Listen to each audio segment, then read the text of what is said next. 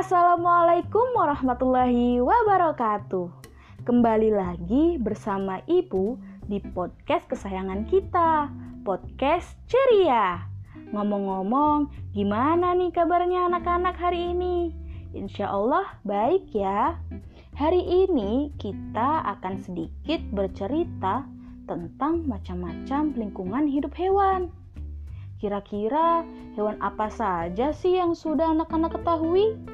Pasti sudah banyak ya.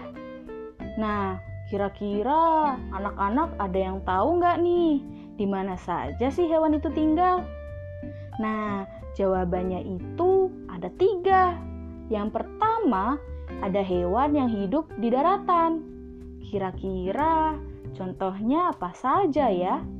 Nah, contohnya itu ada kambing, harimau, singa, dan masih banyak lagi. Yang kedua, ada hewan yang hidup di air. Contohnya, ada ikan paus, lumba-lumba, bintang laut, dan sebagainya. Dan yang terakhir, ada hewan yang tinggal di udara. Nah, hewan tersebut pasti memiliki sayap dan sayap tersebut dapat digunakan untuk terbang di langit.